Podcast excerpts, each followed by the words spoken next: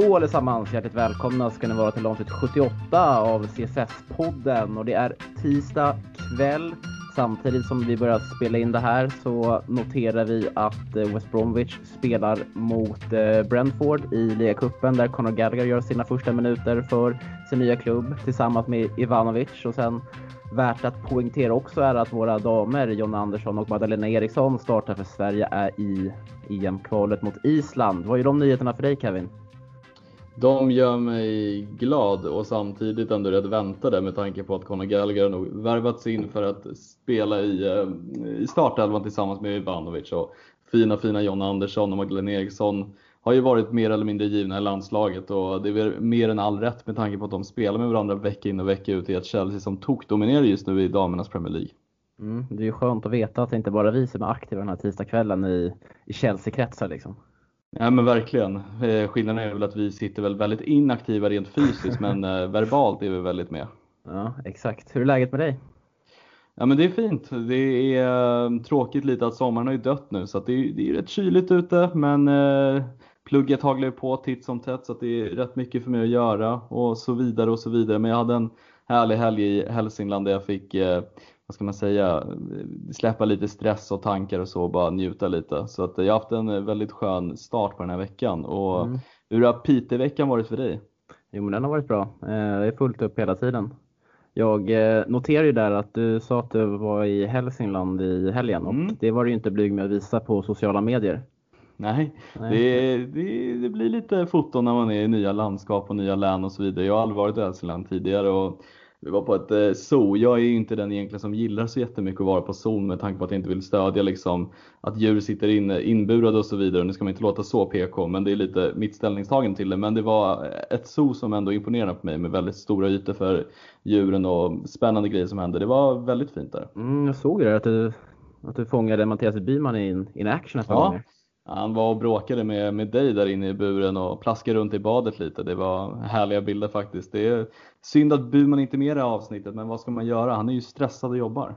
Mm, nej, kanske lite, ett litet internskämt, men jag såg ju att du, att du la ut massa, en, en massa videos på en massa björnar som sprang omkring i ett eh, hägne. Så, eh, då drar man ju parallellen att det är Byman som hovrar runt där. Men, eh, ja, men allting är eh, bra med mig.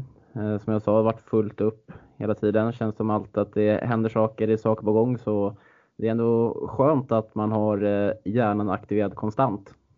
Ja, du kändes jäkligt stressad idag. Eh, ja, alltså det är, det är mycket som sagt. Det är lite allt möjligt som händer hela tiden. Lite jobb, lite skola. Eh, sista året. Podd, sista året. Så det är bara att ge järnet nu och så kan man stå där med, sitt, eh, med sin examen när eh, vi går in i sommaren 2021. Sen går in i Arbetsförmedlingen direkt efter. en tuff bransch med att in i, men jag hoppas att jag inte kommer hamna där. Eh, nämnde lite där att sommaren är på väg mot sitt slut, eller den är slut. Det är ju eh, lite av din primetime som drar ut nu med tanke på att silly fönstret håller på att stängas. Men eh, eh, Lampard bekräftade ju på dagens presskonferens han höll inför Barnsley att eh, Edouard Mendy är klar och det är eventuellt bland det sista Chelsea kommer göra på transferfönstret den här sommaren. Men eh, nu kanske jag tror att jag håller på att glömma någonting. För eh, innan vi går in på Mendy här så ska jag såklart ställa dig en fråga. Ja, kör hårt. Mm. Eh, vi möter ju VBA i, på lördag, Chelsea 18.30. Mm. Och då tänkte jag att man kanske ska ha ett Ivanovic-tema på den här frågan. Mm. Och eh, frågan är ju då när Branislav Ivanovic värvades till Chelsea från Lokomotiv Moskva i januari fönstret 2008 så blev han tilldelad tröjnumret 2. Men mm. vem hade tvåan i Chelsea innan Ivanovic? Oh, oh, oh, oh. oh. Tröjnummer nummer två. Jag vill tänka till Paulo Ferreira men fan hade inte han 19? Eh, det lär ju vara en försvarsspelare innan Ivanovic. Kan jag avslöja att det är en ytterback. Det är en ytterback. Undrar om det kan, nej, det kan inte vara Bosingva. Bosingva kommer lite före Ivanovic ändå. Uh, nej men vänta, jag måste tänka för den här känner jag att jag ändå ska kunna på något sätt. Den är rätt svår uh, faktiskt. Kan du ge någon ledtråd på spelen eller är det för, för mycket begärt? Uh, ja, men senast han spelade i Premier League så gjorde han det med Stoke. Senaste spelare? Ja, Glenn Johnson. Ja, exakt. Åh oh, jävlar, fan den där. Jag, jag hade absolut ingen aning. Jag kopplade det bara till att han har spelat i Stoke. Han har ju harvat runt lite i klubban mm. efter sin prime i Chelsea. Men man glömmer alltid bort, eller att Glenn Johnson, att han, eh, han värvades ju till Chelsea där i den nya Abramovic-eran. Eh, mm. Men tog aldrig riktigt någon plats. Och jag, i alla fall, jag blir alltid lika förvånad när man, eh, inte förvånad, men när man på något jävla vänster hamnar på hans Wikipedia-profil att han har gjort ett par matcher i Chelsea ett par år så, eh, så har han gjort det. Ja men herregud, han var ju extremt upphausad också. När han, när han kom på den tiden. Exakt, och sen har jag ändå så här, fan om man går in på hans Wikipedia-sida, måste vara 41 matcher men han hade ändå 160 matcher i Liverpool. Det är, alltså, så här, det är ju inte ett jättetråkigt merit, liksom, vad säger man, en tråkig merit han har. Nej, han gjorde väl sin sista säsong också i Liverpool när de var så nära titeln också. Har jag för mig, jag vet inte. Ja, mycket möjligt. Mycket ja. möjligt. Men eh, i alla fall Ivanovic på den tiden, 2008 där i januarifönstret, så var det ju den dyraste övergången någonsin för en rysk klubb. Han kostade 9,5 miljoner pund och det känns ju, det känns ju som en, det är ju kaffepengar så här års. Mm. Verkligen, men... nej men verkligen. Jag tror det skulle vara en följdfråga till ja. den ursprungliga frågan. Ja, nej men det är det nej, Jag bara alltså, pumpar jag... på med lite mer fakta här tänkte jag. Ja, nej men kör hårt. Alltså jag tänker, vad, vet du vad Juri Kirko kostade när han kom till Chelsea? Oj, ja, antagligen billigare än 9,5 för han kom väl eh, runt 20, runt 05 där omkring va? Ja, och jag blev lite nyfiken vad hans pris har kunnat legat på när han kom till Chelsea. Ska se. Det står ju 18 miljoner pund dock. På Ivanovic? Nej, på Kirko. Kirko? Ja, då kanske jag har fel information här. Möjligen. Det, det, det, står exceeding the 15 million Arsenal pay for Andrei Arshavin in January. Så att det ska vara den dyraste övergången, Ville. Vilket, när kom Kirkov då? Kirkov kom, ja men när sa Ivanovic kom? Han kom ju vintern där säsongen 07-08. Ja okej, okay, ja, men då är det Kirko som har slagit Ivanovic efter det för att han kom 2009 till Chelsea. Okej, okay, ja, men då är fan ute och cyklar där också. Eh, men när jag ändå läste mig in lite på Ivanovic också, eh, här eller när man bara satt och kollade lite, kollade lite på honom så han spelade ju faktiskt inte en enda match med Chelsea under sin första vår. Eh, och han ansågs ju inte vara men, tillräckligt matchkännad nog för att ryska ligan har det där konstiga uppehållet under januari eller under vintern när de inte har Just. någon match på ett, en och en halv månad typ. Mm. Så han fick faktiskt inte en enda match under våren, gjorde bara två matcher med Chelseas reservlag och var faktiskt nära att lämnar Chelsea under den kommande sommaren men ska enligt uppgifter ha övertygat att stanna kvar av Andriy Shevchenko. Annars så kanske hade vi fått se honom någon annanstans. Ja, wow. Alltså Ivanovic är ju ändå en av de, liksom, sett till det priset som du nämner också, kanske en av de bästa värvningarna vi har gjort med tanke på hans ja, men dels mångsidighet. Jag menar, han kunde ju spela mittback och högerback och jag tycker han var i princip lika bra på båda positionerna, om inte bättre som högerback. Och liksom, hela den här auran av de här ledartyperna som vi inte har idag var ju verkligen någonting Ivanovic symboliserade. Det kanske var lite så här en bristfällig spelare i vissa stunder, men det vägde ju upp med liksom hans otroliga vinnarskalle och ledaregenskaper. Det är liksom det, var, det var en spelare jag verkligen tyckte om. Extremt underskattad och han var inte uppskattad bland liksom, andra supportrar. Till mina brorsor som Arsenal-fans höll honom inte alls högt med tanke på att han var rätt smutsig i sitt spelsätt med att han filmade rätt ofta och kunde liksom grisa sig. Men det, sånt där älskar jag. Mm, ja, jag med. Och det känns som att vi har, vi har fått väldigt bra betalt eller bra utdelning med tanke på hur mycket de kostar våra ytterbackar. Jag tänker även på Aspilicueta som också var en extremt billig värvning 2012. Mm. Mm. Men eh, den gode Ivanovic är ju 36 bast nu och ska ju köra den här säsongen med VBA. Och mm. eh, jag har någonting så här fast etsat i min hjärna. Det var någon match mot VBA typ runt, ja men, säg säsong 2014 då Ivanovic verkligen tappade huvudet eh, mot just VBA på bortaplan. Jag minns att de bara står och vrålar mot publik och VBA-bänken och allting. Och riktigt hett stämning. Jag undrar fan inte om du har dragit den anekdoten tidigare. Alltså men, om just den här hetsen mot West Bromwich. Jag kommer fan inte ihåg den. Jag måste hitta, om jag hittar den på Youtube så kan jag länka den i CSS-podden-gruppen. För jag minns att det var liksom, det var någonting utöver det vanliga. Alltså han stod verkligen och skrek och visade fingrar mot publik och allt möjligt liksom. Ändå fint. Fick, fick bara ett gult kort. Ja, men det är som det ska vara. Han var ju, ja, han har väl ändå några röda kort på sig, gode Ivanovic. Det har han säkerligen. Jag kan inte minnas någon på rak arm, men Nej, eh, det känns som att han har lite den auran i alla fall, att han mm. har någon rött kort här och där. Men han är ju ändå 36 bast nu som vi sa. Eh, är den är Chelseas 15 mest spelade spelare. Han har spelat 377 matcher för klubben. Eh, så det är en riktig legend. Mm. Vi har där att göra. Men, Otroligt eh, kul när han kommer och besöker Bridge. Synd att publiken inte är där då, men kul att få se honom i action igen i Premier League. Mm, det får vi se redan till helgen när vi möter eh, West Bromwich. Mm. Men från en spelare till en annan då, Kevin, så bekräftade ju Lampard här på presskonferensen inför Barnsley imorgon att eh, Eduard Mendy är klar för klubben, eller att han i alla fall genomgår den obligatoriska läkarundersökningen och om allt går som det ska där så presenteras han som en av Chelseas nya målvakter.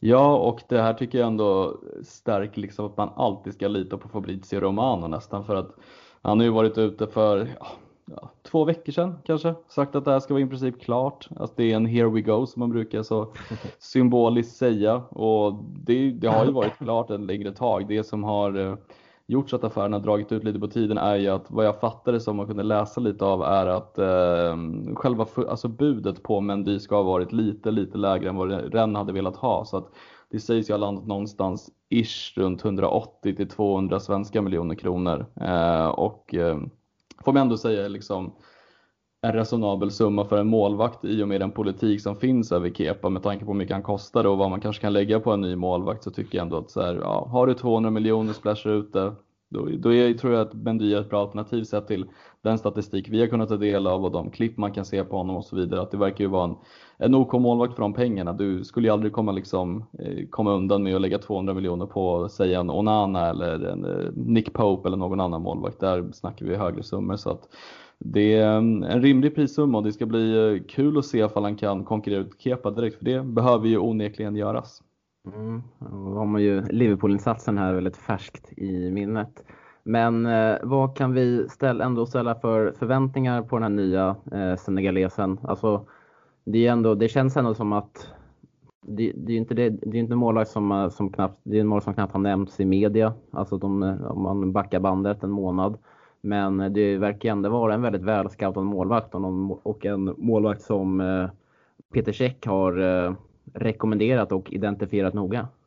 Ja, nej, men verkligen. Lampard var ju tydlig med på, på sin presskonferens inför Barnsley att Peter Cech har varit en del av den här värvningen och fått säga sitt och jag tror att, mycket, att det här är en Peter Cech-värvning helt och hållet. Jag menar, han känner ju Ren sen tidigare med tanke på hans eh, historik därifrån. Lolichon har ju även varit inblandad som är fina Lolichon som är Head of Goalkeeping eller vad det nu är och har ju också förflutet i den. Så jag tror att de tillsammans har ju scoutat den värvningen rätt länge eh, och jag tror att Lampard troligen efterfrågar kanske en längre målvakt som, som inte behöver ha de här starkaste fötterna men snarare liksom den här fysiken att klara Premier League. Så att vad man kan ställa för krav. Eh, det, är, det är lite svårt att säga för att jag tycker som 28-åringen kommer ut till ett helt nytt land.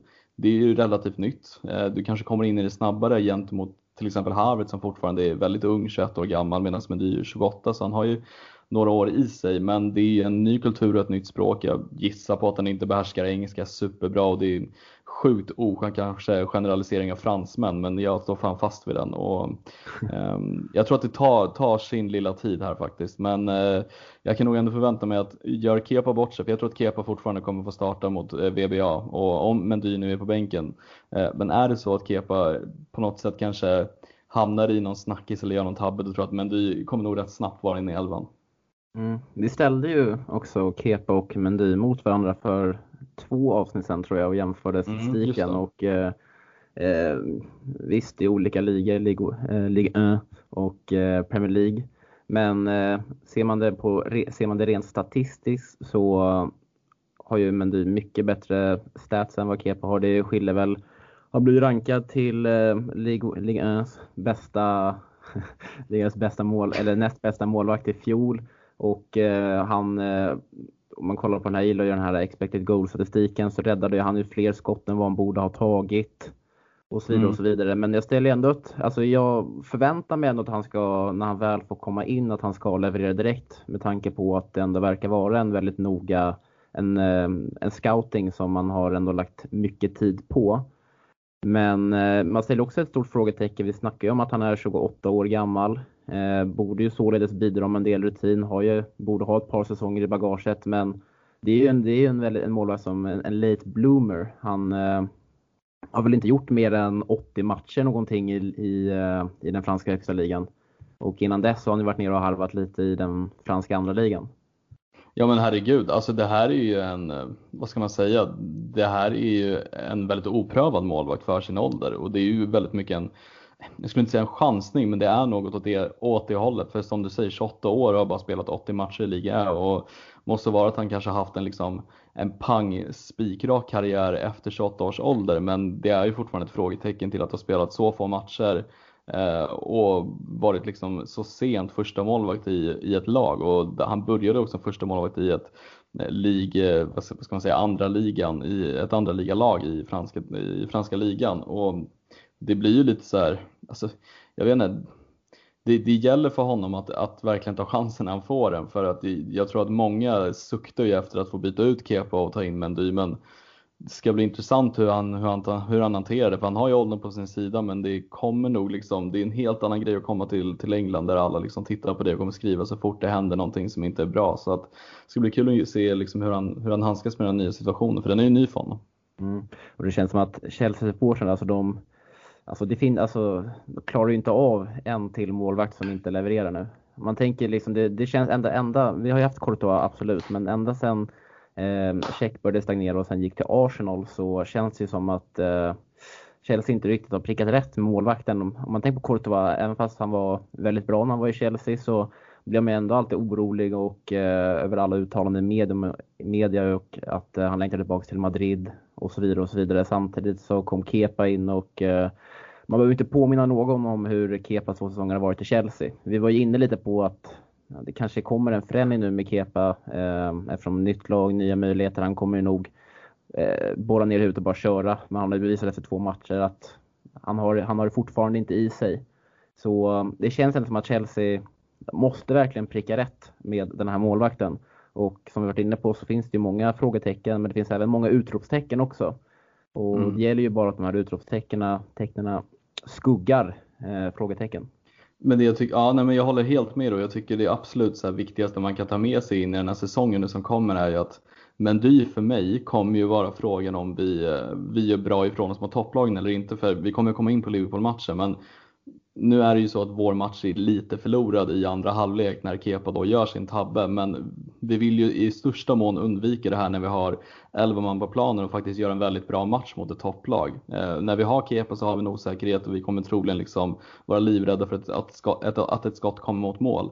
Har vi Mendy som kanske kommer med stabilitet och kan rädda lite bollar så kanske defensiven får med sig liksom en, en skönare pondus att ha där bak och inte vara lika orolig. Så jag tror att det här kommer att vara liksom en otroligt viktig värvning som kanske avgör säsongens utgång. Absolut, jag tror att mycket också av på grund av eh, med Chelseas väldigt svajiga defensiv. Det finns ju många olika aspekter varför den har varit så dålig som den har varit i fjol och ja, lite kassa skit över den här inledningen av säsongen. Men om man kollar till i fjol så tror jag mycket den osäkerheten med Kepa spelar in också. Kombinerat mm. med en del orutin eh, i backlinjen generellt. Så ja, men en målvakt med lite, en mål som inger, kommer in med lite auktoritet, inger självförtroende i sina gubbar där framme. Så tror jag, tror jag vi vinner mycket bara där. Och någonting som jag tycker är riktigt bra också, om man får snacka liksom helheten i laget, är att vi får in lite ålder i laget också. Jag gillar ju den här värvningen av Thiago Silva som är upp mot liksom 36 år gammal. Men det är sjukt mycket bagage han kommer in med. Men Dy kanske inte har den största rutinen sett till antal matcher, men det är ändå en 28-åring. Så att det, det, liksom, det finns en mognad i honom som jag tycker att vi har saknat lite. Och Werner han är inte 19 år gammal, han är 24 år gammal och jag tycker det är bra att vi höjer liksom medelåldern lite på det här laget för det har varit ett väldigt ungt lag och nu får vi in lite så här, spelare som kanske är i mitten av sin karriär, piken av sin karriär och i slutet av sin karriär. Jag tycker det är en bra mix vi behöver. Liksom. Vi behöver få in rutin också. Sen har vi typ Kovacic som närmar sig 27 liksom. så det, det är bra liksom, mix på åldern tycker jag också. Mm, ja men härligt. Vi, får, eh, vi sitter ju bara och väntar nu på det officiella beskedet. Det kan ju komma vilken minut som helst. Men Eh, vi kan ju inte räkna med, vi kommer komma in på Barnsley-matchen senare också, den vi spelar imorgon, men vi kan ju inte räkna med att han kommer vara med där eftersom att ja, det är för tidigt. Och sen tar ju Lampard på presskonferensen också att eh, Mendy kommer göra sitt första pass med laget på torsdag, så eh, vi räknar inte med honom där. Nej.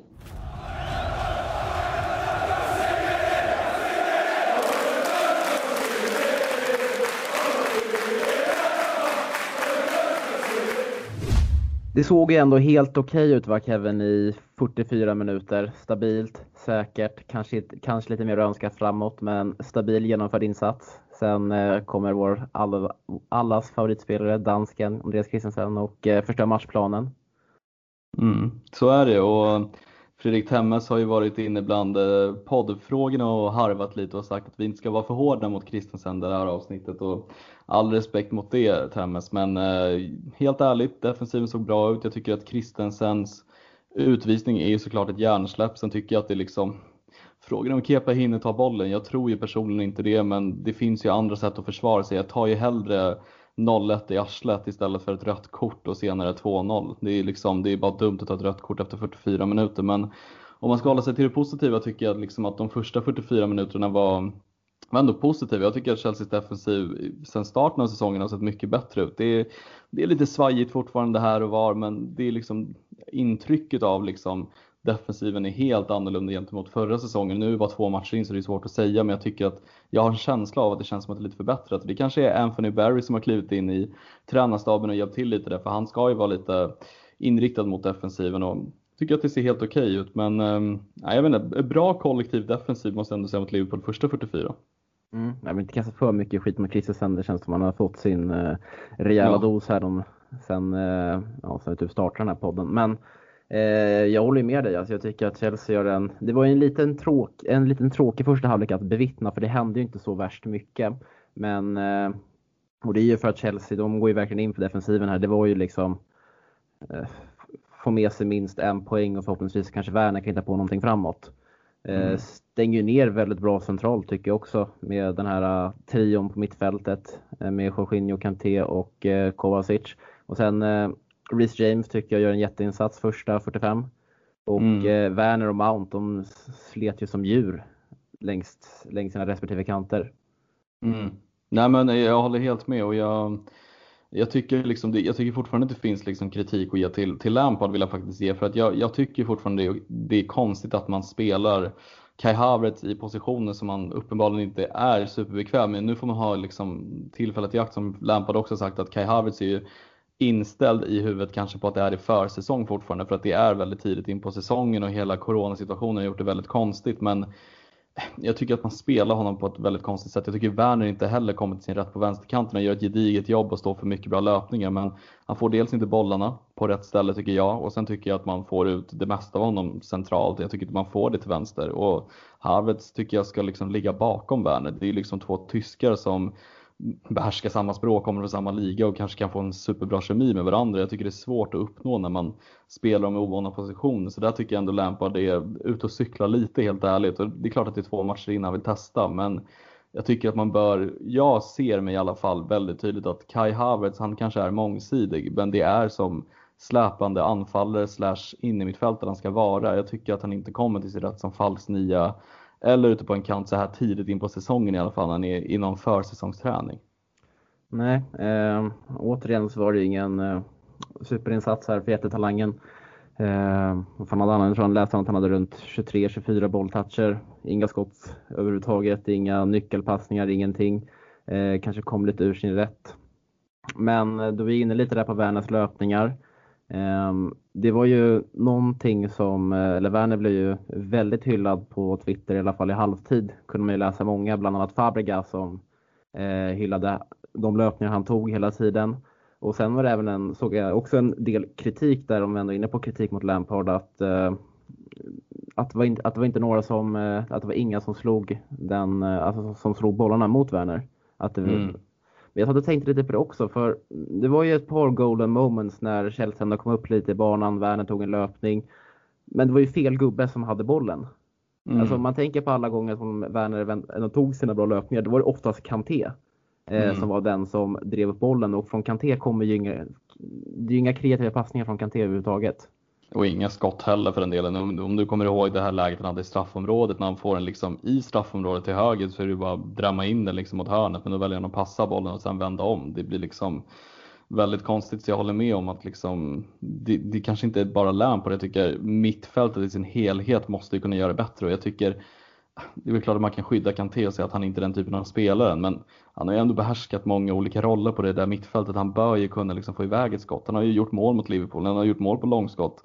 eh, mot Leicester. Han har stått för kreativa passningar, han har gjort mål mot City. Alltså det, det, är klart att man kan begära det från honom också. Men som du säger så, så är det liksom, jag tycker att i en sån roll, det är där Kahaver ska vara. Det är inte en Golo Kanté. Därav tycker jag fortfarande att det är konstigt att man spelar honom på en kant och i, liksom, i anfallet. Det liksom säger sig självt att det inte kommer, det, han hamnar ju inte rätt då.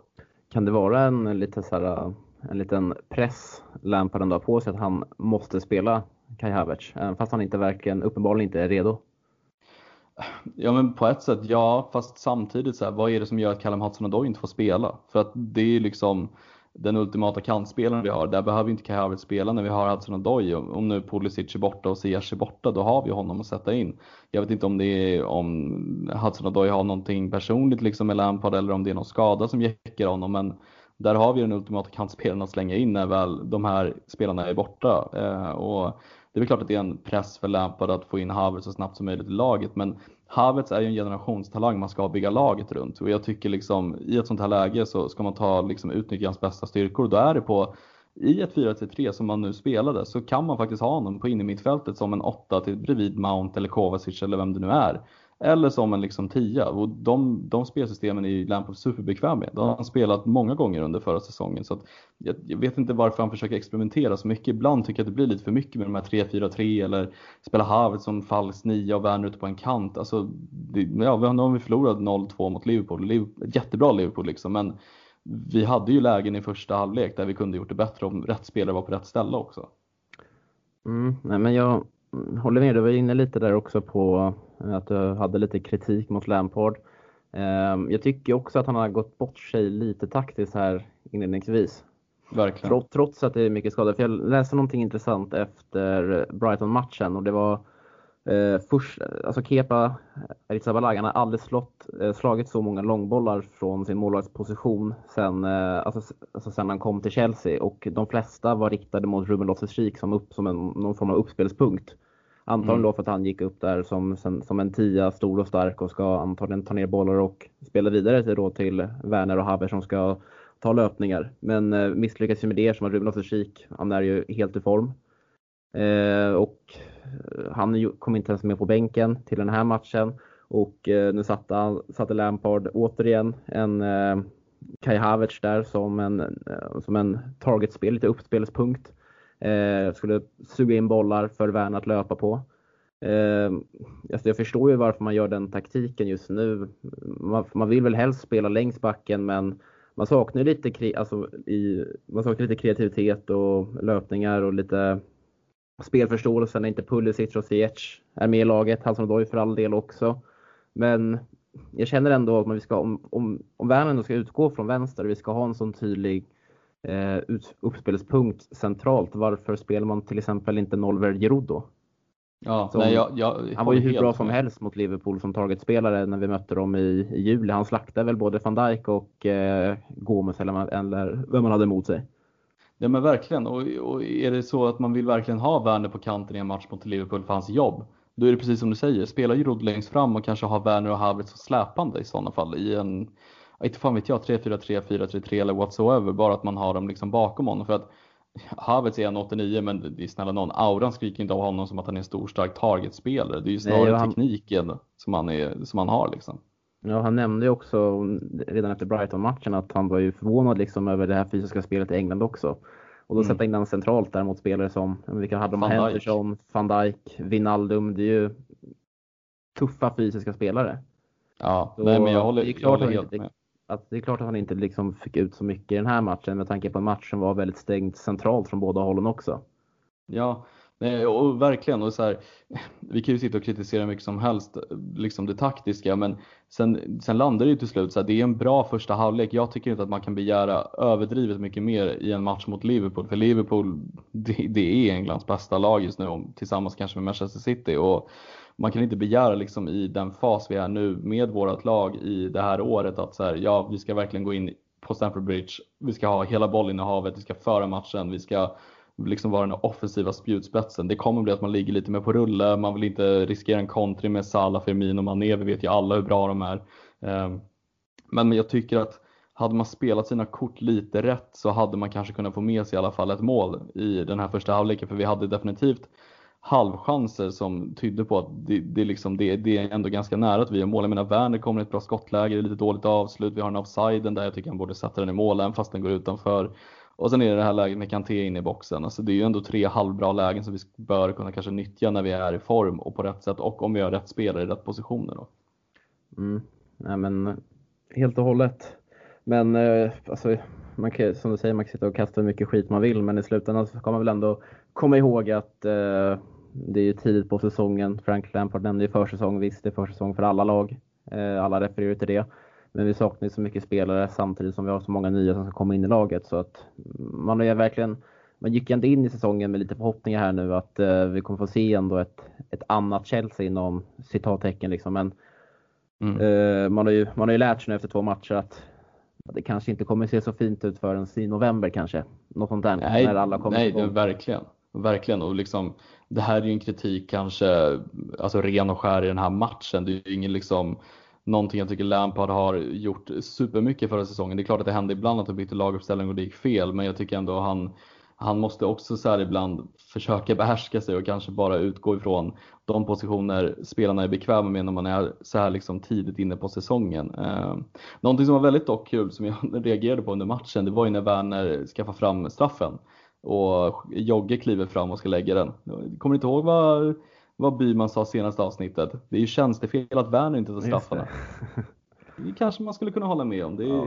det, det, alltså jag vet inte vad det var, men jag hade en sån jävla känsla när eh, Jogge skulle lägga straffen att den här klipper Alisson direkt. Alltså jag kände på mig det direkt att han kommentaren för att Jogge vill ju vänta ut målvakter. Alisson är ju bland de bästa målvakterna i världen. Jag tror att han har fått rätt scouting att säga ja, nej men han kommer ju liksom vänta ut mig så länge som möjligt så jag stannar kvar på linjen och så blir det ju Alltså Jogges liksom eh, löpning in till bollen gör ju att han kommer få så lite tid som möjligt att kunna vinkla kroppen så att bollen kommer till hörnet så mycket som möjligt. Så det blir ju nästan alltid att den går lite, lite till höger, lite, lite till vänster för att han väntar ut målvakten. Så att det, det var ju plockpotatis för Alisson till sist. Mm. Um. Ja, nu får vi se det var väl hans, Jorginhos första, andra, andra, andra. var väl ligacupfinalen där ja. Nej, mot City var det väl? I ja, ligacupfinalen tror jag. Eh, hans andra straffmiss bara. Men eh, det känns väl som att Jogge kommer ju liksom inte vara en, ett ordinarie inslag i det här Chelsea under säsongen sen när alla kommer tillbaka och är fit for fight. Så, Nej. men fan, får vi en straff redan på, får vi en ny straff redan på lördag mot VBA så måste ju fan Werner stiga fram och ta den och få igång sitt målskytte sitter ju med honom i FBL här och bara suktar efter poäng. Liksom, så. Sliter av sig håret. Sliter av sig håret. Så det, det är dags nu. Men eh, någon spelare som fick eh, komma in här i andra halvlek eh, istället för Kai Havertz var för Kayo Tomori, Kevin.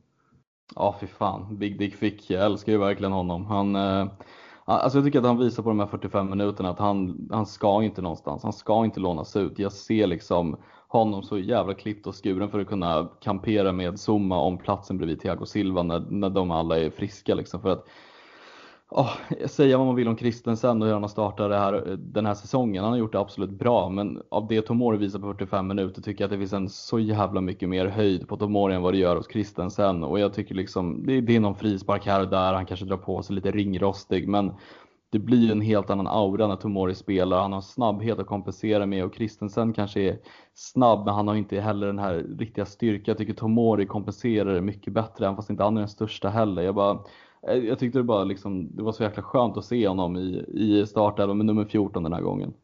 Mm. Ja, det var ju hans första matchen i, mot Bournemouth i februari. För hans första minuter ja, i alla turneringar. Mm.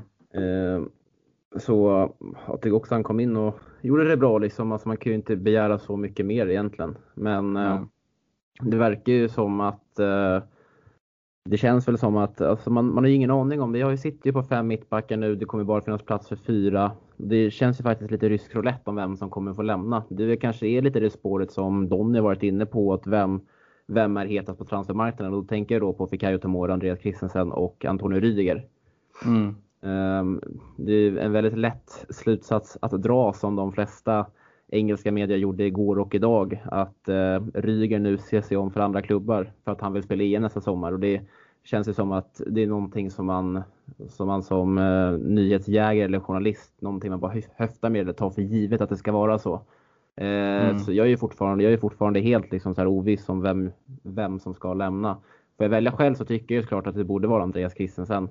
Ehm, jag kan även se ett lån till Tomorrow om inte, om, om inte Lampard vill att han, om inte Lampard har planer för att han ska vara en ordinarie spelare i Chelsea så tycker jag fan att det är bättre att man lånar ut honom så han får kontinuerligt med speltid. Vad visar ju, även fast han gjorde det jävligt bra mot Liverpool, mot Liverpool här nu så visar han ju att, eh, att, att han har det i sig. Varför inte låna ut honom och stå på tillväxt så han får fortsätta bygga på det här istället för att ja, men vara lite in och ut i startelvan i Chelsea. Möjligen, möjligen. Men jag kan ju också se till exempel i Rydigers fall att nu har inte han, när han satt på bänken i första matchen mot Brighton, var inte med i truppen mot Liverpool. Nu kanske han får lite speltid mot Barnsley, men jag tycker fortfarande att han är väl den enda som har kanske bäst marknadsvärde att kunna få ut mest pengar av. För Kristensen vet jag inte, liksom, jag tror inte det kommer komma någon stor klubb och buda på honom. Tomori kan, kommer vi aldrig släppa som en ren skärförsäljning, han kommer lånas ut.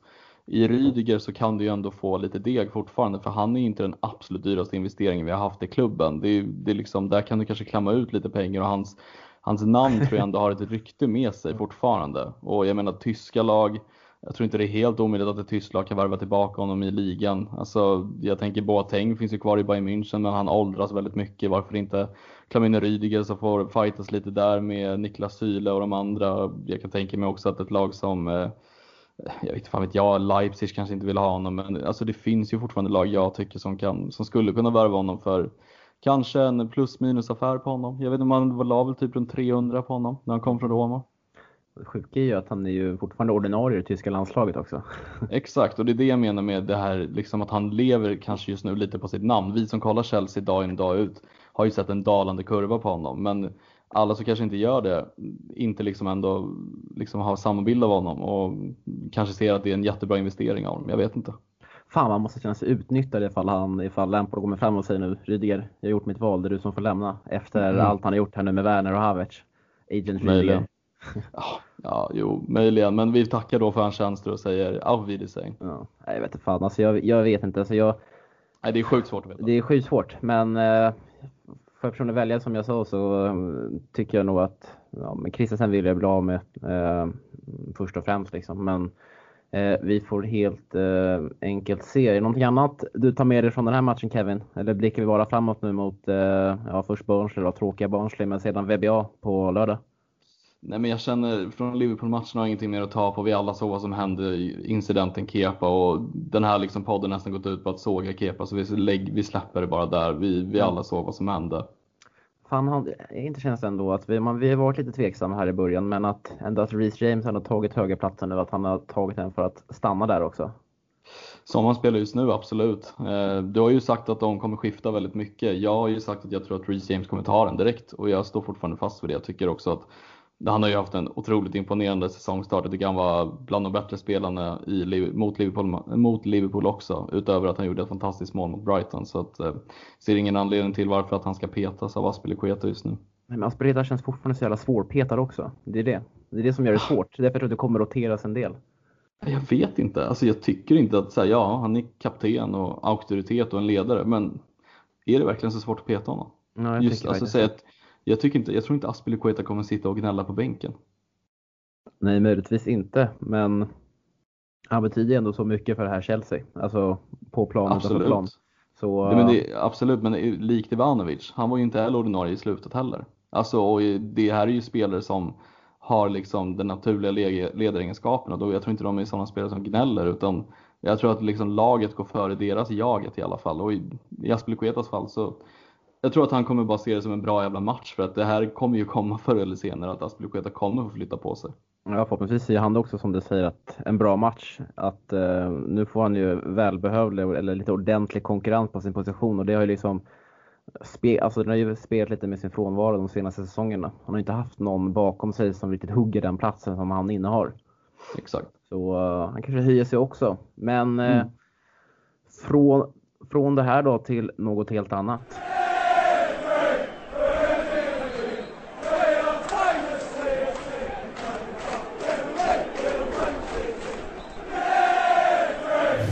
Från en sak till en annan då så ska vi testa ett nytt inslag här i podden. Vi ska testa att eh, vi ska gå, helt enkelt gå igenom hur det har gått för våran stora och härliga lånarmé under helgen och det ska vi göra med ett svep Kevin.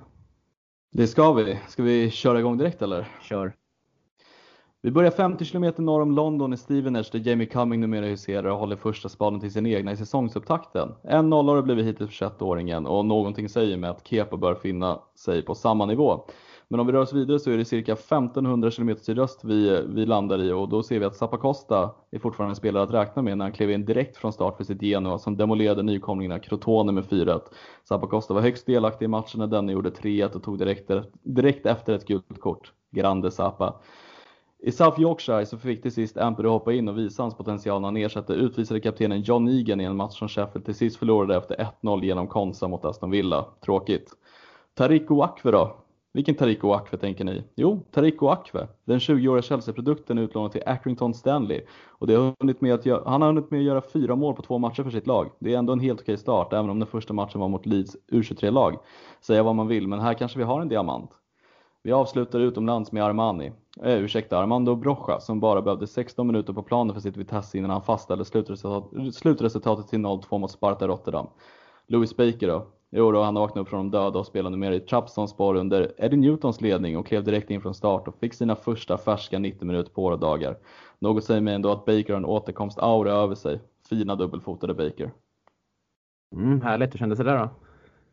Ja, det känns bra. Man får ju en liten puls och det känns lite kopierat från eh, Toto Balotto. Men jag tänker ändå att det är ett fint koncept på något sätt att ha med vår utlånade härliga armé och vi har väl plockat ut liksom det är bäst. fan jag fick kipa lite efter andan. Ehm, men att få plocka ut liksom det bästa som har hänt eh, den senaste tiden. Det har ju såklart även varit spelare som Mitchy Batshuayi och Conor Gallagher som har lånats ut. Men i fallet Mitchy Batshuayi så har det bara varit åtta minuter mot Manchester United så det finns inte så mycket att berätta egentligen från om den matchen. Men tycker ändå lite intressant med Zappacosta ändå som lånas ut direkt, klämmer in 3-1 och drar ett gult kort direkt efter. Det gillar jag.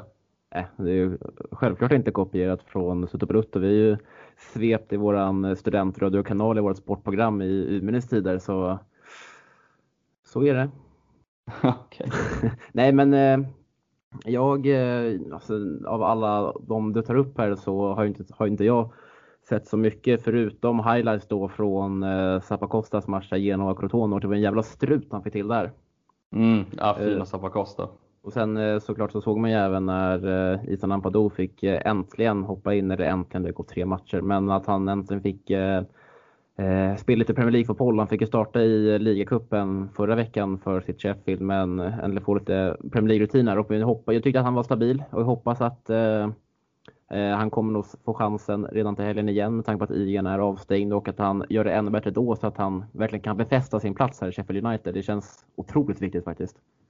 Så är det ju verkligen, speciellt för hans utveckling och vi har ju pratat om tidigare att det här är ändå ett lag där han kan, eh, där han kan absolut liksom leta sig in i startelvan på antingen det defensiva mittfältet eller i backlinjen och han fick ju verkligen chansen nu och han lär ju, tror jag, i alla fall starta nästa match också med tanke på att John Egan kommer vara avstängd även i den matchen. Men jag gillar ju på ett sätt att liksom leta bland U23-spelarna så jag tycker Tarik och Akve är ändå lite kul att läsa sig in på. Han, eh, han var ändå ganska bra förra säsongen i U23-laget där han var ordinarie väldigt mycket under säsongen tillsammans med liksom spelare som Tina han gjorde in och gjorde faktiskt väldigt mycket poäng. Och att kliva ner liksom i sitt första lån och göra hattrick första matchen, det tycker jag ändå är en bra merit. Liksom. Kanske har en liten diamant där.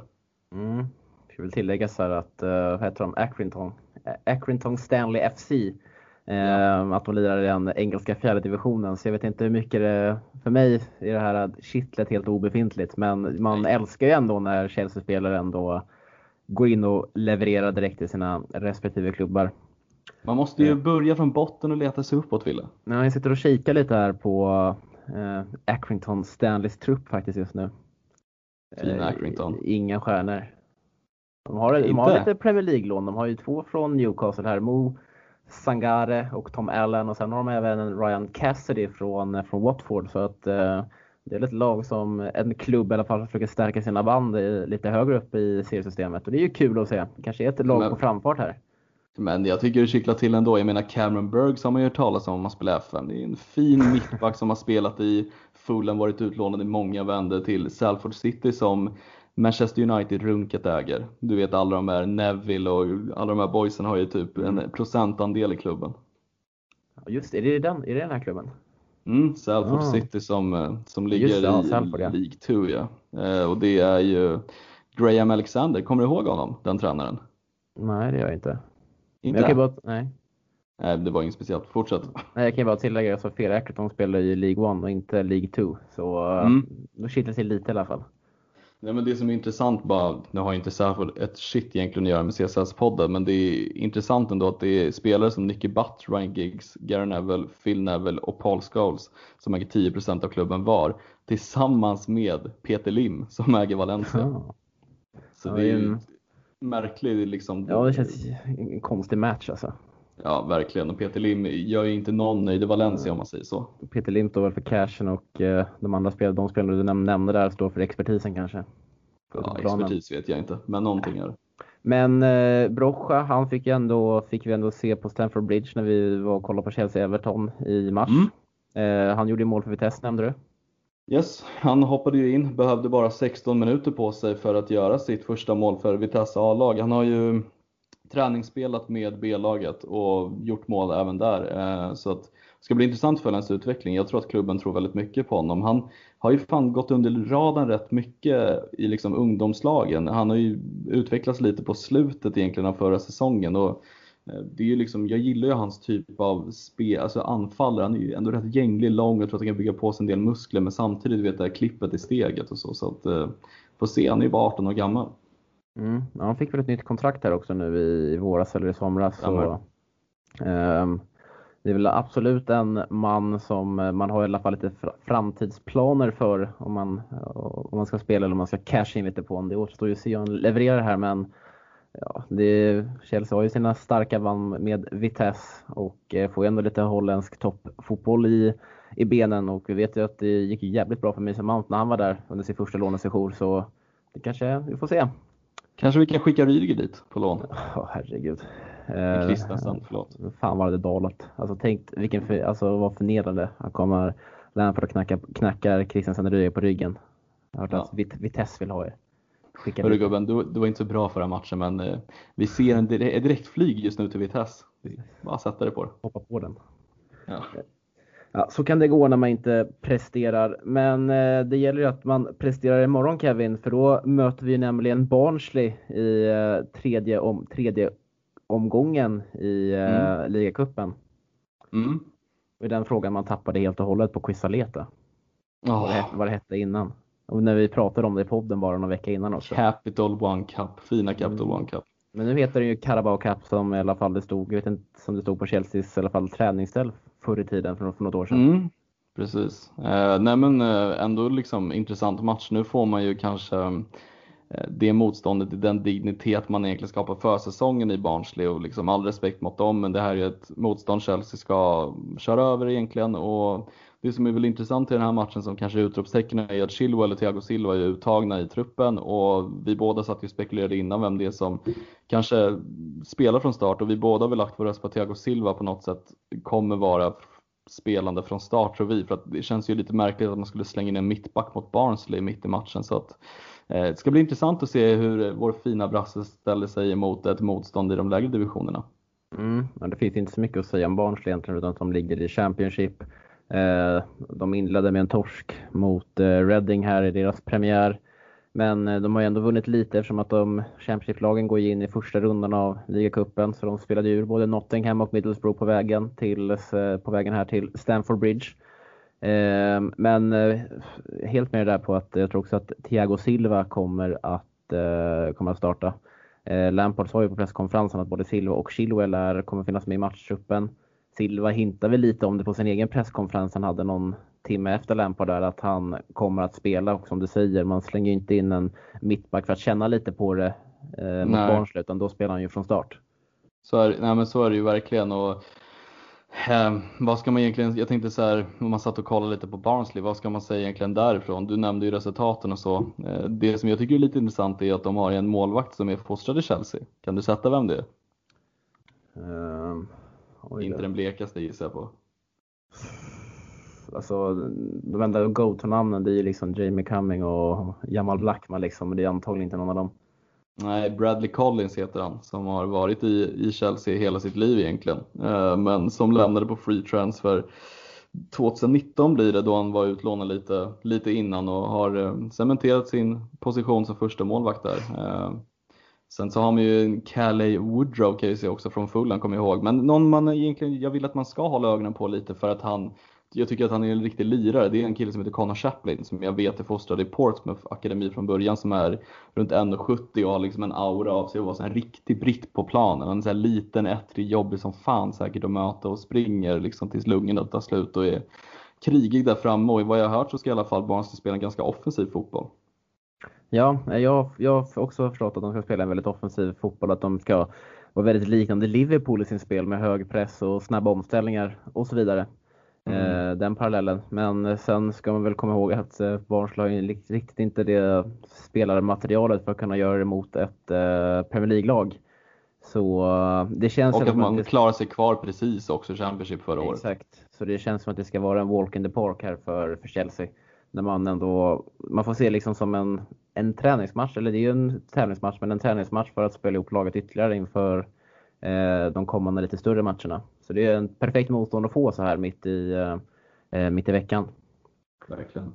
Men eh, vi sa in där på att Silva eh, förmodligen kommer starta, tror vi båda två. Eh, Lampard nämnde att även Chilwell kommer att med i matchtruppen, men eh, jag tror inte att han kommer starta, utan där tror jag att det mer kan vara aktuellt eh, med ett inhopp i den andra halvleken. Mm, ja, men det känns ju mer logiskare att man kanske väljer att slänga in Chilwell i en sån här match och starta någon av Emerson, Aspelekueta eller Alonso till exempel. Jag tror att Lampard var ju också ute i sin presskonferens och flaggade om att han gärna hade velat ha med lite yngre spelare för att liksom få känna på det här. Men det kommer ju inte kunna ske med tanke på att man har så få träningsmatcher innan säsongen börjar. Så att det här handlar ju mer om att lufta A-lagstruppen. Så att det, det kommer ju handla om att ge spelare speltid. Och då kommer ju spelare som Barkley få spela. Jag gissar på att Abraham kommer få spela och Chilwell kanske får hoppa in, Thiago Silva och Giroud möjligen inblandad på något sätt. Så det kommer ju bli i princip liksom en, en, eh, en A-trupps 11 utan några egentligen inslag av unga spelare. Kanske att Tino Anjorin sätter sig på bänken men inte mer än så tror jag. Men Lampard eh, snackar någonting om att eh, det är mycket svårare nu att få in med coronareglerna att, att ta upp juniorer in i A-laget. Med tanke på att det måste vara något, framförallt någon viss karantän, tjofräs någonting. Mm. Så att, vilket gör att vi kommer få se ett rättsordinarie Chelsea. Så är det. Eh, så det blir inte den här eh, när vi mötte Grimsby i fjol i mitten av september då ja, vi körde ju hela jävla juniorlaget mot dem och ändå vann med 7-1 utan nu, nu kommer vi, det kommer komma med ett bra lag Kevin. Och mm. eh, vi vet ju om att eh, Caballero kommer ju stå i kassen. Det, har ju, det sa ju Lampard redan efter Liverpool-matchen. Eh, sen tror jag att vi kommer att se en Aspelekueta till, eh, till vänster. Jag tror vi kommer att se en Reece James till höger. Jag tror vi kommer att se en Tomoro och en Silva eh, som mittbackspar. Ja, men jag, ja, vi har ju sagt att vi ska utgå ifrån din elva. Jag tror ju personligen att Alonso kommer starta till vänster och Aspilicueta till höger, men där är det lite, lite givet och stucket också. För Alonso har ju spelat Två 90 minuter och James lika så, så det kan bli någon av de två som får sätta sig på kvisten. Mm, men jag tror att, eh, som du säger, det är sjukt svårt att veta faktiskt. Man, man, inte, man, ännu, ännu har man inte riktigt lärt sig Lampard hur han tänker den här säsongen eh, med eh, spelare på vissa positioner. Men det känns som att han skulle sketa från 90, Rich James får 60, ersätter Chilwell och sen kommer Chilwell in istället för, för, för James som eh, får lite välbehövlig vila då inför eh, VBA på lördag. Mm. Eh, men det är, alltså det är sjukt svårt att förutse vilken elva som han kommer ställa upp med här. Men sen tror jag att vi kommer se ett centralt mittfält med Ross the Boss tillsammans med Matteo Kovacic. Eh, spelade in honom lite. Också en Kovacic, en spelare som jag absolut kan, som jag tror kan starta och som man sedan byter ut i den andra halvleken, sent i mitten ungefär. Mm. Eh, och sen tror jag att vi kommer få se eh, där framme att vi kommer få se en Kai Havertz, en Ruben loftus och en Mason Mount eh, som spelar bakom eh, Tammy Abraham. Den är jag faktiskt inte alls emot, utan det är också vad jag tror eh, kommer liksom starta på pappret. Eh, jag ser ju liksom att både Ruben och Barkley får lite välbehövlig speltid. Kovacic har bara en 90 minuter och Tammy har ju knappt fått liksom hoppa in. Han hoppade in mot Liverpool i slutet så att det behöver ju luftas där. Intressant också i, i fallet Hudson och Doyle liksom hur, hur det blir nu för han har ju fått spela väldigt få minuter och det ryktas ju hela tiden i press om, om honom om att han kanske lämnar innan eh, transferfönstret stänger eller liknande. Mm, vi går in på det sen, för jag såg att vi hade en lyssnarfråga angående honom. Mm, ja, men då så. Eh, Eh, men det vet inte, den känns lite mer given på något sätt. Eh, det känns som att eh, han vill ju få igång Kai Havertz nu, Frank Lampard, och han fick ju bara 45 mot Liverpool här så jag tror inte att det är helt otänkbart att han, att han startar den här matchen och sen så har man ju liksom att då tror jag att det blir eh, James, Kovacic och eh, Havertz som kommer att få röra på sig sen i andra halvlek mot, eh, mot andra spelare från bänken. Mm, eh, absolut. Och, och, alla de tre kommer vara eh, så att de är fräscha till på lördag. Mm. Men eh, den här, eh, vi sätter ju aldrig rätt när vi tippar resultat Kevin. Och eh, de här ligacupperna, det är ju hur jävla svårt som helst. Vi vet ju om att det, det kan bli, det kan lika gärna bli 7-1, det kan lika gärna bli 2-0 liksom. Jag tror ju på ett 2-0 resultat. Jag tror inte vi exploderar i mål. Jag tycker vi är för tidigt in på säsongen för att liksom demolera den här typen av motståndet. Så 2-0 säger jag. Jag sätter fan en 5-1 här alltså. Fina 5-1.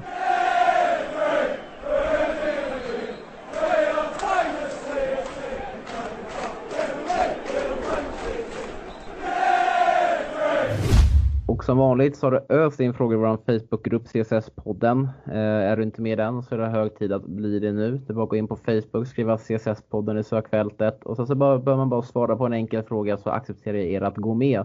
Och det har varit väldigt kul nu i början av säsongen Kevin på de här senaste avsnitten. Det känns som att folk är väldigt engagerade för att vi blir ju faktiskt överösta med frågor.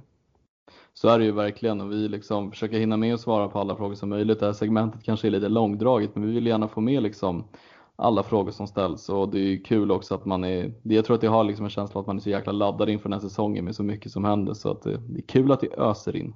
Mm, och eh, jag har fått eh, 35 frågor just nu, eller 35 kommentarer. Det blir lite diskussion, så runt 30 frågor och eh, vi svarar på alla. Men skulle inte din fråga komma med så anser vi att vi har redan svarat på den eh, tidigare i avsnittet.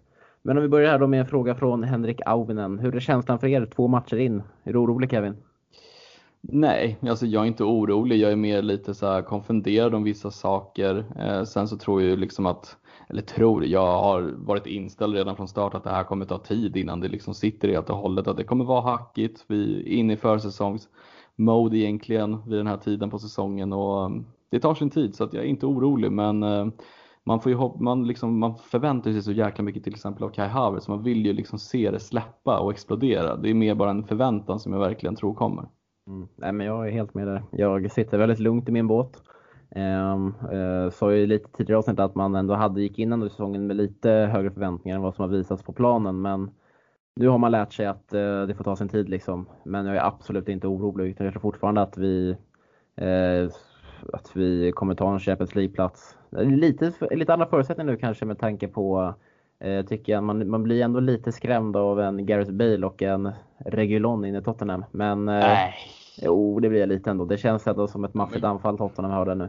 Men du vet ju hur det är med Gareth Bale. Det är liksom, när, även när han var ordinarie i Real Madrid, det, det är skador som kommer sätta stopp för det där. Regulon absolut, men äh, jag, vet, jag tror inte på Bale som är, nära, som är över 30 nu alltså. Men samtidigt som Tottenham ändå ser lite fin ut så ser United helt katastrofala ut. Vi som såg mot Crystal Palace här i helgen. Så äh, det är, det är många matcher som ska spelas. Jag tror fortfarande att Chelsea har, eh, kommer nog ta en topp 4-placering. Absolut. Uh, Auvinen igen här. Kanté ser som man redan visste sylvass ut fortfarande. Har aldrig velat sälja honom och vi behöver inte cashen? Frågetecken. Låt honom hänga skorna i björken i London och uh, ja, men jag håller med. Fan fina Kanté, han släpper vi aldrig. Ja men du och, det ska du inte säga. Du och Björn satt ju i förra avsnittet och spekulerade om att kommer cashen in, varför inte? Jag har sagt jo. det är en idiotisk försäljning. Men jag har ju ändå varit tydlig med att väger man in liksom mina personliga känslor där så vill jag ju aldrig släppa Kanté. Ja, men din personliga känsla, ja, men om du tänker ekonomiskt så tyck, anser du fortfarande att det är en bra försäljning, vilket jag inte tycker, för jag tycker det... inte att han skulle vara värd 600 millar. Nej, men det, det jag tänker är att om Chelsea behöver casha in och eh, Lampard inte anser att, han inte, att, att Kanté inte är i hans planer så tycker jag att det är rätt läge att släppa honom nu. Men han var ju ute som senast här i början av veckan och sa att, eh, att, han, har, att han har planer för Kanté liksom i Chelsea och att han kommer vara en eh, väldigt stor spelare den här säsongen och i Chelsea i år framöver. Så då tycker jag inte att man ska släppa honom. Nej, okej. Okay. Försvara mig själv lite. Va? Ja, verkligen. Det är, det är mm. helt okej. Eh, Egon Ljung, vad känner ni när ni hör att folk bedömer Kai som ett haveri? Jag anser att han måste få tid. Och eh, vilka som inte spelat än kan vara aktuella mot VBA? Silva, Pulisic? Frågetecken. Ja, Pulisic är out. Eh, det är ju även också Hakim Ziyech. Eh, de kommer ju troligen vara out mot VBA också. Kanske att de finns med i truppen, men det är Lampard sa att de är väldigt nära, men de är inte med mot, eh, mot Barnsley. Men för att svara på frågan om Kais haveri. Jag undrar vad det är för egentligen haveri. Det har gått två matcher och snubben har spelat en halvlek mot Liverpool och 70 minuter mot Brighton. Och vill man kalla det haveri så får man gärna göra det. Det tar tid att utvecklas. Och, vad sa du? Nej, det, här många, det var ju så många som gick all in på Kai Havertz i, i FBL i början av säsongen och eh, ett väldigt trendat namn i FBL-syfte på Twitter den här senaste veckan har varit Kai Haveri. Mm, vad roligt. Mm. Påhittigt ändå. Mm, lustigt. Ja, nej men så här, summa summarum. Det, låt det ta tid, det kommer. Oj, nu har vi en lång fråga här från Rickard Nordström. Ehm, jag blev väldigt förtjust i Tomori. Ser frågan här bara. Jag kan ta den annars om du vill. Har ni hört något mer om vad som hållit honom utanför laget? Den eh, primära frågan för Rickard Nordström. Eh, och så säger han även att han tycker att han eh, såg mycket fin ut mot Liverpool, den halvlek han fick. Jag har inte hört något mer om vad som hållit honom utanför truppen eller utanför laget, men han hade som sagt inte spelat sedan februari. Eh, jag har läst mig lite till att det har berott på att Frank Lampard har velat satsa på eh, satsat mer på Reece James än Tomori och har ansett att, eh, att han behöver rutinen då i mittbacken som kommer från Zuma, eh, Aspel, inte Zuma, inte Aspel, Zuma, Rydiger och Christensen, lite mer erfarna backar. Eh, framförallt det samtidigt som man ska ändå, även hur fin Tomori ändå såg ut mot eh, Liverpool här senast så ska man ändå komma ihåg att han var väldigt svajig där i vintras. Men ja. potentialen finns där. Ja, alltså väldigt svajig och svajig. Det är klart att han har varit svajig, men jag tycker till exempel en sån som Rydiger och Christensen har haft längre perioder av svajeri i sådana fall. Det var ju några matcher Tomori var svajig. Men eh, jag tycker liksom höjden han har haft på sina prestationer är högre än Christensen och Rydiger speciellt. Zomas höjder tycker jag Tomori inte riktigt uppe på än i alla fall. Men ja, där tycker vi alla olika. Jag tycker det är, det är ett jäkla pussel med de här mittbackarna för att det är liksom alla håller just nu en ganska jämn nivå medan vissa kanske har högre potential och det är lite så här, den som har dags, bäst dagsform lär ju ta platsen bredvid Thiago Silva. Det ligger inga personliga värderingar i varför han varit ute för truppen utan det är Nej. vad jag läst mig till från vad The Athletic har skrivit angående varför inte Tomori har fått den tid som många anser att han har förtjänat. Ehm, det där med att Lampard värderar erfarenheten bland mittbackarna och han prioriterar Reece James framför Tomori. Ehm, men eh, ehm, vad, fan, vad tänkte jag addera också? Men det, det vad de även varit tydliga med, för i alla fall från The Athletics håll, är att eh, Tomori har, eh, någon som har borrat ner huvudet och kört på hårt så är det Tomori, verkar leverera in dag in dag ut på träningar och ser fin ut där också. Så att eh, det är väl bara att han fortsätter göra det så kommer nog hans chanser att komma, tror jag. Absolut. Mm. ska vi se. Anton Berg, varför lirar vi inte 4-3-3 oftare? Vi har spelat som bäst när vi lirar med den formationen. Ja, det är väl eh, lite så här trolleri med siffror för jag tycker 4-3-3 kan lätt bli en 4-2-3 så att eh, det är väl lite åt det hållet Lampard alltid har varit åt förutom att han ibland kan skifta ut en trebackslinje men varför det, det är någonting bara Lampard kan svara på. Jag tror att han han ser väl liksom ibland att vi, när vi har spelat med en trebackslinje till exempel, så har det väl oftast varit för att matcha det andra laget. För vi vet att Arsenal spelar med en trebackslinje när vi mötte dem med samma formation, likaså med Wolves. Och mot Tottenham var det väl mer för att han tyckte att det gick bra i, eller för att eh, matcha upp liksom deras trio där framme med en trebacks istället så kunde hantera det. Så det är väl av taktiska skäl, men jag håller ju med om att jag tycker 4-3-3 är den som, som anpassar just spelarna efter laget bäst just nu. Mm. Eh, Anders Jonsson, vad är det som gör att Chelsea alltid måste ge sina nya spelare så lång tid att anpassa sig jämfört med andra lag? Har vi så sjukt svår spelidé? Arsenal men City spelade sina nya spelare redan första matchen. Eh, vet inte fan om jag håller med. Nej, jag gör inte det, men utveckla du gärna. Eh, nej, men jag tycker alltså, om man kollar på Chelsea bara, så är det extremt många nya som kommer in. Samtidigt som Lampard är väldigt ny i gamet med sin spelidé och som tränare. Det är klart det kommer ta lite längre tid och det är ju liksom bara fjolårssäsongen och den här säsongen som det har tagit lite längre tid. Om man jämför till exempel med eh, Manchester City igår spelades väl ingen ny spelare från start förutom Nathan Ake som sitter på ett par år i Premier League redan i bagaget. I Arsenal, vilka hade vi där? Vi hade väl han eh, Gabriel, mittbacken i premiären. Mm. Som ny. Var svajig också. Svajig, inte så bra. Mötte ett ännu sämre Fulham. I andra matcherna mot West Ham hade de inte heller så mycket nya spelare i spel. Alltså, Nej, verkligen. Och jag tycker, kollar man liksom historiskt också, City till exempel, det tar ju väldigt lång tid för dem att spela in sina absolut bästa spelare också för den delen. För där snackar vi en ännu svårare spelare, det som Pep Guardiola har satt på sitt lag. Så jag tycker ju liksom, jag fattar vad du menar Anders, men det är nog en lite fel höftning ändå. För jag tycker att det finns, det tar tid för spelare, speciellt unga spelare. Jag menar, Ferran Torres som har värvats till, till Man City som är runt 20 år. Jag tror inte vi kommer att se honom tokbriljera på en kant direkt. Det kommer också ta tid för honom. Så. Fick väl hoppa in, spela en kvart igår liksom. Ja men eh, exakt. Och, men ja, eh, jag förstår, alltså, men det är klart man börjar fundera lite de banorna när man ser eh, andra topplag spela sina nyförvärv direkt, vissa av dem, och att de går in och vinner matcherna. Eh, klart att den tanken kanske kommer upp, men eh, det är så pass mycket nytt i Chelsea. Jag tror det är så många nya faktorer eh, som ska spelas tillsammans. Så att jag tror att vi får ha, ha lite mer tålamod än, än vad andra lag och det har nog ingenting med om man tittar enskilt på Frank Lampard spelade jämfört med till exempel Pep Guardiolas eller Mikael Artetas. Mm. Eh, Anders Jonsson har en till fråga här. Tror ni likt jag att Tomori spelar sig kvar i truppen efter matchen mot Liverpool?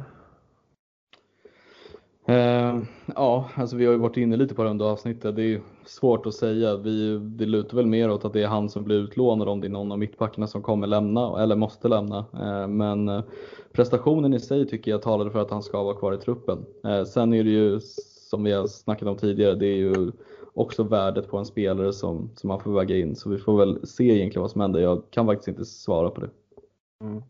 Eh, Jon Olsson läser någonstans att Rydiger funderar över sin framtid, om sin framtid ska vara i Chelsea eller om han ska leta efter en, en ny klubbadress.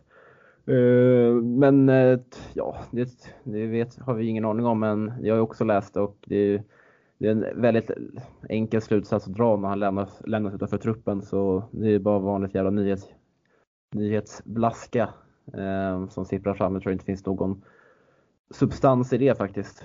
Utan Nej. vi får se vad som händer. Marcus Skönneby var till för Jorginho i det här laget. Jag tycker inte att han bidrar med någonting. Men ni kanske ser någonting som inte jag ser, Kevin? Um, nej men jag är väl lite inne på samma spår där. Jag tycker att uh, Jogge har väl tillfört en del, liksom, en del lugn till spelet när Sarri var tränare och eh, under första halvan av uh, den perioden Frank Lampard tog över truppen. Men nu tycker jag ju numera att Jorginho liksom inte han, han hittar inte liksom rätt i det spelet Lampard ändå vill tillföra. För jag tycker att det är ett alldeles för liksom tempostarkt eh, spel Lampard har som jag inte tycker passar riktigt honom. Um, och jag tycker liksom han är för svag defensivt, det har man ju sagt redan sedan första dagen han kom att det är liksom, han, han är ju lite för tanig för Premier League på så sätt. Jag tycker att han är byggd för italienska, franska ligan möjligen. Eh, så att eh, han tillför ju dock liksom ett lugn som kanske inte många andra mittfältare har i truppen och liksom en rutin som ändå är rätt bra. Han har ändå spelat för Napoli, eh, Chelsea, italienska landslaget många matcher så att det är en bra merit liksom. Ja, alltså den dagen Jorginho lämnar Chelsea så tycker jag nog att han kan lämna Chelsea med huvudet högt för att jag anser i alla fall jag. att han har gjort, han har gjort sitt yttersta i alla fall och man ser alltid en gedigen arbetsinsats från honom att han verkligen krigar för klubbmärket. Ehm, men samtidigt så känns han som du säger Kevin lite för långsam för det sättet Frank Lampard vill spela på, kanske Premier League generellt. Att vi vill ha den här djupa mittfältsrollen i ett seriallag där han kan stå liksom och Likt Pirlo liksom ja, stå och mata exakt. bollar. Mata bollar, sätta lite tempo och så vidare men det går för fort liksom i... Det är inte, det är inte riktigt samma pressspel i Serie A som det är i Premier League heller. Nej, det är lite verkligen. mer romantiskt där borta. Nej men det, jag menar liksom, att, ja men liksom när du möter lag som Liverpool, då det är liksom, du kommer ju inte kunna ha bollen i mer än en, två sekunder innan du får en gubbe på dig. Så att det är liksom, handlar ju om att vara snabb här och Jorginho är väl snabb i huvudet men kroppen kanske inte hänger med riktigt. Nej. Um, nu har vi två frågor här om Callum Hans från från Hampus Baumann och Mukhtar Khalif. Mm. Um, och uh, vi läste ju i morse i The Athletic att uh, Kalle Hansson Doy är besviken och att eh, han skulle hålla något möte här nu, eller hans representanter skulle ha möte med ledningen. De ville se en, en tydlig plan för honom framöver. Samtidigt som de skrev, jag, det, det jag släppte där, att eh, inom en vecka så kommer en storklubb att lägga ett bud på honom, Kevin. Ja, storklubb och storklubb. Det har väl snackats om att Bayern München ska vara, och vet det, rycka lite i eh, Kalle Mattsson då igen, men då undrar man ju också lite så här, ah, okej, okay. då har de ju alltså Leroy Sané redan, Serge Gnabry, Eh, de har även Thomas Müller och de har lite så här sköna Bayern München-talanger som brukar komma upp och få rätt mycket speltid. Vart hade då Kalle Mattsson Odoi fått speltid i Bayern München? Eh, så jag liksom försöker tänka i första hand liksom, varför skulle Bayern München lägga ett bud på honom? För det är det det har snackats om mest. För att jag, jag ser liksom inte vart han skulle passa in. Har de gått för eh, det, mm, Sané istället som blev liksom, inte som ett kanske andrahandsval, men Hudson då gick inte att lösa i januari för några år sedan och då blev det Sané istället som har kommit till klubben. Eh, så jag, vet, jag ser ju inte Bayern München som någon destination, men det är ju intressant dock hur, hur Chelsea ska liksom behandla situationen med Callum Hudson för de, han har ju sin agent som är Hans brorsa tror jag det är till och med också som är väldigt påstridig och vill att saker händer verkar det som. Mm. Men bara för också i den här eh, äh, idrottsrätten så står det, så står, det, står det att det inte behöver, de nämner ju en stor klubb och det behöver inte vara Bayern München så att vi vet ju inte vilken klubb det kan vara men. Men jag läste säger... dock någon säker källa att det ska vara Bayern München dock. Ja, då får vi ju se eh, mm. om det blir dem. Men eh, som du säger där också i så fall så jag ser inte att han tar en plats i Bayern München men man vet ju aldrig. Men samtidigt tror jag att han, alltså oavsett vilken, vilken jävla storklubb som kommer lägga ett bud här nu så tror jag inte Chelsea kommer släppa eh, honom i alla fall på permanent, eh, permanent basis. Men eh, jag tror ju, eh, tror ju att han är väldigt missnöjd över den här säsongstarten, att han inte får spela när både Pulisic och Ziyech inte ens är tillgängliga. Och eh, då är det ju liksom, jag tror han har svårt att se en framtid då sen när de är tillbaka. Mm. Eh, men Sen som man, Lampard pratar ju bara, bara gott om Hudson då hela tiden, att han jobbar hårt, ska fortsätta göra det. Eh, och när han skrev på sitt nya kontrakt i september i fjol, för lite, lite mer än ett år sedan, eh, så var ju Lampard tydlig med liksom att Hudson då är liksom en spelare som har en stor tid här framöver, alltså en lång tid, en stor och lång tid framöver i Chelsea. Så hoppas inte det ändrats utan men det är en, det är en, det är en svår situation. Alltså, mm. är, hoppas han, eh, han kommer ju spela imorgon förmodligen och då får han fan visa att han ska, att han ska ha en plats i den här truppen. Så enkelt är det egentligen. Mm. Vi kan ju se också, jag sökte lite snabbt och man kan se att det är Sky Germany som säger att det är Bayern München, Juventus och Leipzig som sägs vara intresserade av att lösa honom. Mm. Så ja, tyskarna börjar hugga lite nu här på, eller de har gjort nu ett par år på de engelska ja. talangerna.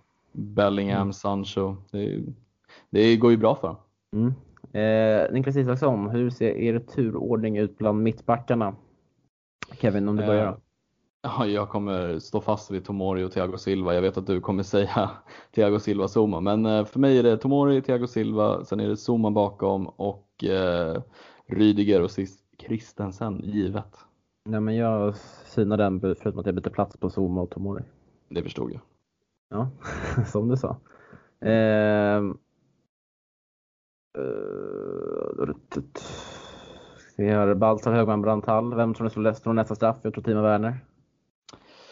Uh, jag tror också Timo Werner. Marcus Skönneby, vad vet vi om status på Ziyech och Chilwell? Pratar vi dagar, veckor eller månader? Och som du sa Kevin, dagar. Så, ja, dagar. Lampard sa ju på presskonferensen att de börjar närma sig. Så Um, förhoppningsvis uh, kanske en match upp till helgen och sen en, får känna, känna lite på det i omgången efter. Det har varit sköna tre matcher nu här med VBA, Crystal Palace och Southampton så att det är ju uh, sköna matcher att komma in i. Verkligen, hold your horses. Fucking Hakim is coming, säger jag bara. uh, Andreas Ahlberg, quizfrågan. Vilken före spelare fyller 50 år? Eller 50 idag? Jävlar. Nu får jag gå in och ta fram Chelsea sociala medier här och kolla om de har uppmärksammat det. Fyller 50. Jag såg att Jogge hade gjort sin hundrade match i Premier League. Det är det enda jag såg på Chelseas medier. 50. Ja. Ja, fan. Nej, det får du uppdatera oss om efter Andreas. Jag har ingen aning. Men Silva fyller 36 idag. Det gör han. Det gör han. Jag trodde du skulle säga att han fyller 50. Nej. ehm, så, men du får skriva som Kevin sa här, Andreas Ahlberg i, i kommentarsfältet här när jag lägger ut avsnittet, vem det var. Tagga oss gärna också så att ja. vi ser det. Då ska vi se. Uh... Vi kan väl avsluta här då med ett kasta lite skit på dansken då. Eh, Riyad Sabanovic skriver att han är så jävla trött på Kepa och dansken. Eh, hur många chanser ska de få och har någon annan fått så många chanser som de två i Chelsea? Kan du minnas någon annan spelare som fått så otroligt många chanser men som aldrig har tagit den? Fernando Torres. Givet Fernando Torres. Säg sätter... inte, jag vill, jag vill, bara, jag, är så här, jag vill bara säga, säg inte att du tycker att Torres tog chanserna. Nej, det tycker jag absolut inte. Eh, men jag, jag, känner lite med Fernando Torres, känner lite som med Jorginho också. Jag tycker ändå att Fernando Torres, han slet otroligt hårt när han var i Chelsea. Han går ju alltid en jävla arbetsinsats på planen. Mm. Så jag, jag, jag, ser ändå till så här, jag ser ändå tillbaka på Fernando Torres som en otrolig flopp sett hur mycket han kostade och vilka förväntningar man hade på honom. Men alltså, det var ju bara en spelare som skadade sig och, och som också utför en rejäl skada och kom aldrig upp i nivå liksom. Mm, eh, så jag har, jag har inget agg mot Torres för fem öre faktiskt. Jag har inga agg personligen mot Torres men eh, jag kan inte riktigt köpa de spelare eller de personer som säger att Torres var en bra värvning till sist för det tycker jag inte. Men, Nej, han, gjorde ju lite, han gjorde ju lite avgörande tänker väl som alla andra på Barcelona-målet där och sen hade, gjorde han väl ett par stycken till men det var ju liksom, det var ingen bra värvning. Men jag som väger typ 90 pannor sätter ju de målen. Så det är ju inte ja, jättefantastiskt. Det ska göra det när man ska, när man ska, fan heter han, man ska dribbla bort eh, Valdes. Victor Valdes. Ja. Mm. ja, jag vet inte. Ja, jag men, vet inte. Eh, Vad nej, fan, jag inte heller på honom. Så jävla trött på Kepa och dansken. Ja, vem fan inte det. Men eh, Ja, vem fan kan det vara? Eh, det, men det känns som att de börjar, Kepa verkar jag, eh, lever ju lite på lånad tid känns det som just nu. Dansken... Ruben Offersky kanske? mm, nej, nej det tycker jag inte. Jag bara. Vad fan, den här, det borde ju finnas någonting man kan, man kan sätta här. Salomon Kalou kanske? Han var nyttig som fan. Du tycker alla har varit nyttiga? Ja, nej det tycker jag inte. Jag tycker inte att Kepa och Dansk har varit nyttiga. Ja, kanske inte. Uh, Ska jag säga Steve Sidwell? Det får bli Steve Sidwell. Inget minne av honom. Shevchenko kanske? Ja, den är bra faktiskt. Jag vet inte, men eh, Torres där också, lite, var lite annan tid. Vilka, vilka alternativ hade vi tillsammans med Torres? Vi hade ju Drogba som var på sin sista Samuel Eto'o. Säsong. Ja, med Samuel Eto'o, Dembaba, eh, Lukaku. Remi, alltså det är inga stjärnanfallare liksom. Eto'o var ju liksom på, i slutet av sin karriär. Eh, men Lukaku-försäljningen är ju inte bra. Nej, den är inte bra. Den är ju liksom, där men hade vi kunnat etablera någonting. Quadrado, men han fick inte så många chanser. Fan, nu sitter man bara och letar liksom här. Nej, ja, men vi eh, vad fan, vi sätter Kepa och dansken och det får bli det vi avslutar med här idag också. Ja, eh, men kommer ni på några så är det bara att skriva inlägget också. Det är bara kul. Ja. Ja, men ja, härligt då Kevin. Verkligen. Har du något mer du vill tillägga? Eh, nej, jag är så jäkla trött i huvudet just nu. Det har varit mycket att gå igenom. Eh, men eh, kul avsnitt. Ni får väl hojta vad ni tycker har varit bra och dåligt med det här uh, svepet. Det är ju någonting nytt vi testar så får vi se ifall det blir ett inslaget grej att ha med. Mm, ja, men det är alltid kul att Eh, jag tror alla borde ändå anse att det är lite värdefull information att få lite svep om hur det går för en av Europas största lånearméer varje vecka. Absolut. Eh, och med det sagt så får jag tacka så mycket för att ni lyssnat och uppmanar alla att följa oss på sociala medier, på Twitter och på Instagram där vi på Twitter heter Chelsea Swede och där vi på Instagram heter Chelsea Sweden understreck official och även följa vårt dagliga arbete på Svenska fans där vi pumpar ut artiklar dagligen om vad som sker och händer runt om i Chelsea. Och med det sagt så får jag önska alla en fortsatt trevlig vecka. Ciao!